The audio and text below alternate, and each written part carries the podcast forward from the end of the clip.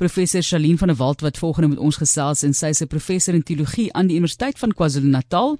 En jy kan gaan kyk op hulle webblad bietjie meer inligting ook daar beskikbaar. En ons kyk na Faith Action Collective en dis 'n samekoms en hulle probeer geloofsgroepe mobiliseer teen geslagsgebaseerde geweld. Baie welkom professor.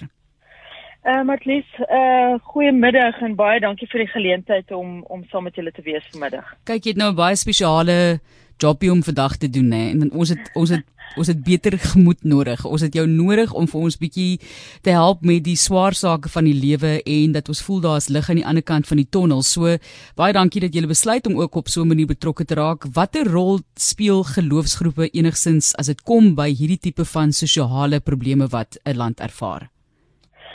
Uh ja, ek ek ek dink dis 'n belangrike vraag omdat verskillende sektore is betrokke by die bevegting en bekamping van geslagsgebaseerde geweld.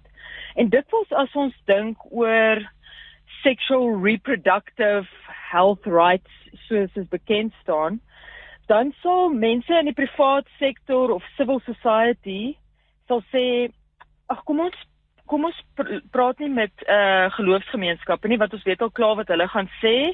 Hulle hulle teologie is uh Uh hulle help ons nie dink hier oor nie. Kom ons skakel hulle uit gesprekke uit. En ek dink dis 'n problematiese uh, uh posisie om in te wees. So ek dink wat hierdie inisiatief probeer doen is om te sê kom ons nooi geloofsgemeenskappe uh en mense wat in die sektor betrokke is en wat passievol is om 'n impak te maak op hierdie uh landskap. Kom ons nooi hulle om deel te wees van gesprekke en kom ons ontwikkel um lewegewende uh impak vanuit geloofsgemeenskappe. Dis 'n baie breedvoerige en belangrike antwoord. Nou, dis interessant dat mense sal sê nee, jy jy weet ons weet wat jy gaan sê tipe van ding, maar op die ou end moet ons kyk hoe om mens van enige perspektief en van enige sektor af kan betrokke raak om hierdie probleme op te los. So gesels met ons oor die geloofsgroepe. Waar kom almal vandaan en waaruit bestaan die Faith Action Collective? So wat 'n wonderlike ding is van hierdie projek. Ehm um, dit laat my die die hele inisiatief laat my so klein bietjie dink aan 'n uh, ding wat die ehm um, nou lede pro, uh, rektor van Stellenbosch Universiteit professor Russell Botman hy het op 'n stadium gesê party probleme is so groot daar's nie 'n enkelvoudige antwoord daarvoor nie. Sure. Mense het mense het mense van verskillende sektore nodig om saam te dink en saam te kom in die klein bietjie lig en wysheid wat hulle het om dit te bring sodat ons saam hieroor kan nadink. So wat hierdie kollektief doen is dit bring um NGOs en FBOs, mense wat in daai sektor werk, um geloofsgemeenskappe en kerkleiergemeenskappe en dan um akademiese instellings wat oor hierdie sake nadink, bring verskillende rolspelers bymekaar en sê kom ons kry meer inligting daar buite, kom ons sentreer hierdie saak in ons liturgie op 'n Sondag, in ons gebede wat ons doen in hierdie tyd, in ons bewusmakingsveldtogte. So dit dit is wat opwindend is van die inisiatief is dit bring uh verskillende sektore bymekaar, maar ook verskillende maniere van om 'n impak te maak. So die manier waarop ons liturgie gebruik op 'n Sondag of die tekste wat ons lees as ons preek of ehm um, publieke lesings of uh uh bewusmakingsveldtogte allerlei soort van verskillende goed bring bymekaar gebring word bymekaar gebring te sê kom ons uh maak die gesprek rondom hierdie saak ruimer uh vanuit geloofsgemeenskappe. Goed, so nou gaan ek die saak vir jou 'n bietjie moeilik maak of vir jou sê nou wat preek julle dan nou om hierdie sake om te keer? Jy weet wat is die boodskap wat jy uitdra daarso waar jy met jou kerk sit of waar jy ook al hierdie samekoms het, um, of dit nou in 'n gebou is en of jy nou besluit jy sit buite onder 'n boom. Wat preek jy? Ehm um, Marlies is 'n groot vraag, dankie. Ek ehm um, ek is betrokke by 'n sentrum by die Universiteit van KwaZulu-Natal genaamd die Ujamaa Center. En wat hierdie senter doen is hulle ontwikkel 'n metodologie genaamd kontekstuele Bybellees.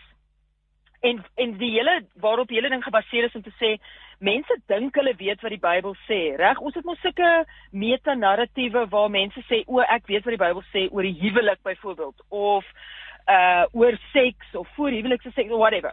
Mense het sulke idees. En dan is die premise van van ons organisasies om te sê nee, kom ons lees regtig die Bybel. En ons sit by mekaar en ons dink regtig hieroor na. En dan wat lees as ons as ons regtig gaan moeite maak met wat se soort van tekste daar is, dan besef mens daar's 'n klomp teks wat mens kan gebruik om die ervarings van vroue, ook negatiewe ervarings of van hulle wat op die spektrum op die LGBTI spektrum is om daai soort van na narratiewe te sentreer. So ek dink uh ons ons probeer sê kom ons kry kreatiewe maniere om om die Bybel en liturgie en goed wat ons in elk geval gebruik om dit op 'n nuwe manier in te span. En dan ek dink een um een van die groot goed wat ons taak is in geloofsgemeenskappe. Um professor uh Jukes by die Medical Research Council in Pretoria. Sy het so 'n studie gedoen oor wat is die fundamentele goed wat geslagsgebaseerde geweld onder lê. En dan sê sy dis twee goed. Eerste die die ideologie van manlike superioriteit. Jy weet dat mans meer waardig geag word en tweede 'n kultuur van geweld. En as mens baie mooi dink, dan weet jy in 'n uh, domin, dominante narratiewe van geloof en kultuur is daai goed wat baie sterk bevestig word vanuit daai landskap uit. En ons werk is om daai goed bietjie meer moeilikheid te maak en te, en te destabiliseer sodat ons gesprekke hieroor kan hê. Nou kyk, die ding is eh, vir my altyd balans, professor, want aan die een kant moet en ons praat nou hier van geweld teen vroue en kinders en ons besef daar's mense wat deur hulle kinders mishandel word. Ons is, besef daar's mans wat deur hulle vrouens mishandel word. Ek ek sê altyd dit want ek voel dis belangrik mense voel hulle word uitgelaat, maar hierdie is nou 'n spesifieke veld tog daar is duidelik 'n baie baie groot probleem in Suid-Afrika as dit kom by geweld teenoor vroue en kinders. So dit is hoekom ons nou daarop fokus en die feit is ek dink dis moeilik om mans te betrek by die saak sonder om hulle heeltyd skuldig te laat voel. Hoe doen hoe doen ons dit? Jy weet wat ek bedoel, so jy praat nou daarvan 'n konteks waarin 'n persoon dalk groot geraak is of hoe hulle gesosialiseer is en nie alle mans is so nie en tog dink ek baie mans voel swaalf skuldig oor iets wat hulle self nie aanskuldig is nie en die wat wel skuldig daaraan is. Jy weet hoe keer 'n mens dit om? Dis 'n so komplekse vraag eintlik nou vir jou. Jammer daaroor, maar hoe betrek ons mans en spreek mans ook aan sonder om hulle heeltemal te vervreem want ek voel op die ou end as hierdie persoon gaan vervreem gaan jy ook nie kan help en 'n verskil maak in daai situasie nie Wat lees dis 'n fantastiese uh, uh vraag ek het nou net 'n hele semester spandeer uh om met oorwegend uh, mans en geloofsleiers in my klasse na te dink oor manlikheid masculinity masculinities Ehm um, en en die een ding waarmee ek weggeloop het na die 6 maande is dat ons dit nodig om gespreksruimtes te skep waar waar mans kan praat met mekaar oor uh oor weerloosheid. Want want die die ding wat ek dink ons soms uit die oog verloor deur te praat oor patriargie is ons dink dit is net vroue wat swaar kry as gevolg van hierdie ideologie. Maar patriargie bevorder 'n bepaalde idee van wat dit is om 'n man te wees. En eintlik kan weinig of enige mans opleef na daai uh meta-idee van wat dit is om 'n man te wees. En en mans uh, oor die algemeen vanuit my ervaring sukkel nogal om uit te figure hoe hoe is ek 'n man wat goed is vir mense rondom my? Hoe hoe is ek goed met ander mans? Hoe hoe wys ek my weerloosheid? Jy weet as as die diskurse wat jy die hele tyd hoor, jy moet sterk wees, jy moet wen, uh jy moet al die geld inbring. As dit die ding is wat wat jy moet wees, dan is dit nogal moeilik as jy dit nie is nie. En ek dink ons uitdaging ook in geloofsgemeenskappe is om gesprekke te skep waar mans kan praat oor hierdie sake sonder dat hulle voel hulle word oor die kop geslaan, want ek ek dink nie dis produktief nie. Maar dis om spasies te skep vir hierdie gesprekke.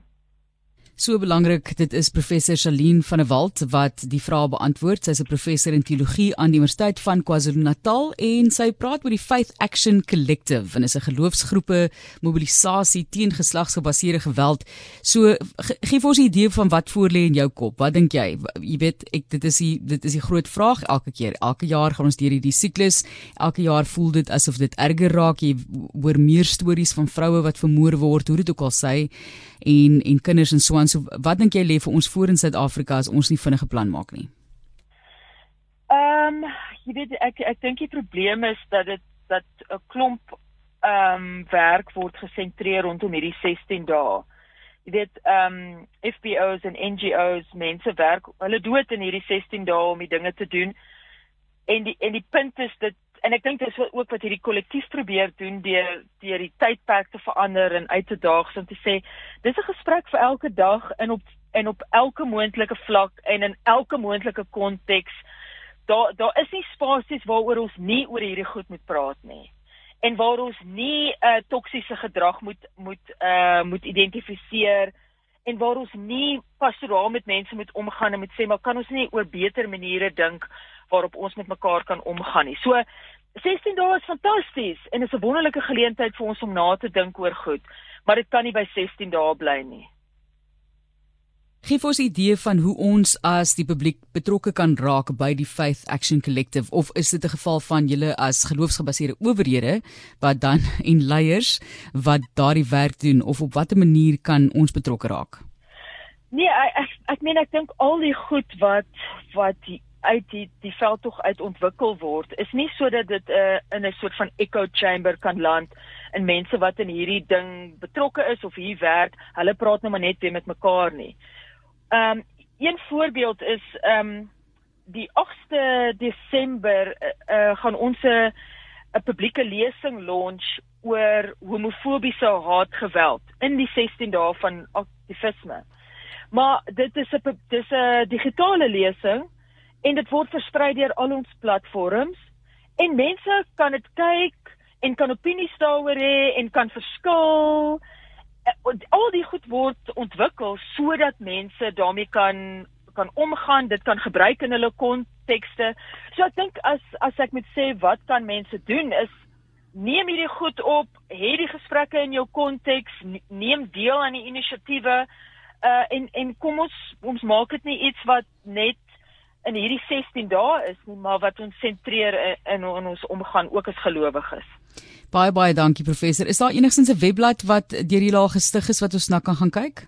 Ek dink as jy daai Faith Action Network intik in die wêreldwye web, dan gaan jy dinge kry. Okay. Ja, ek dink daar's daar's 'n sentrale soort van webspasie vir dit. Fantasties. Baie baie dankie weer eens. Ek weet dit is moeilike dinge hierdie en julle werk so hard daaraan van julle perspektief af, maar ons sê baie dankie. Dankie daarvoor professor. Ach, dankie Matlies, dis heerlik om by julle te wees.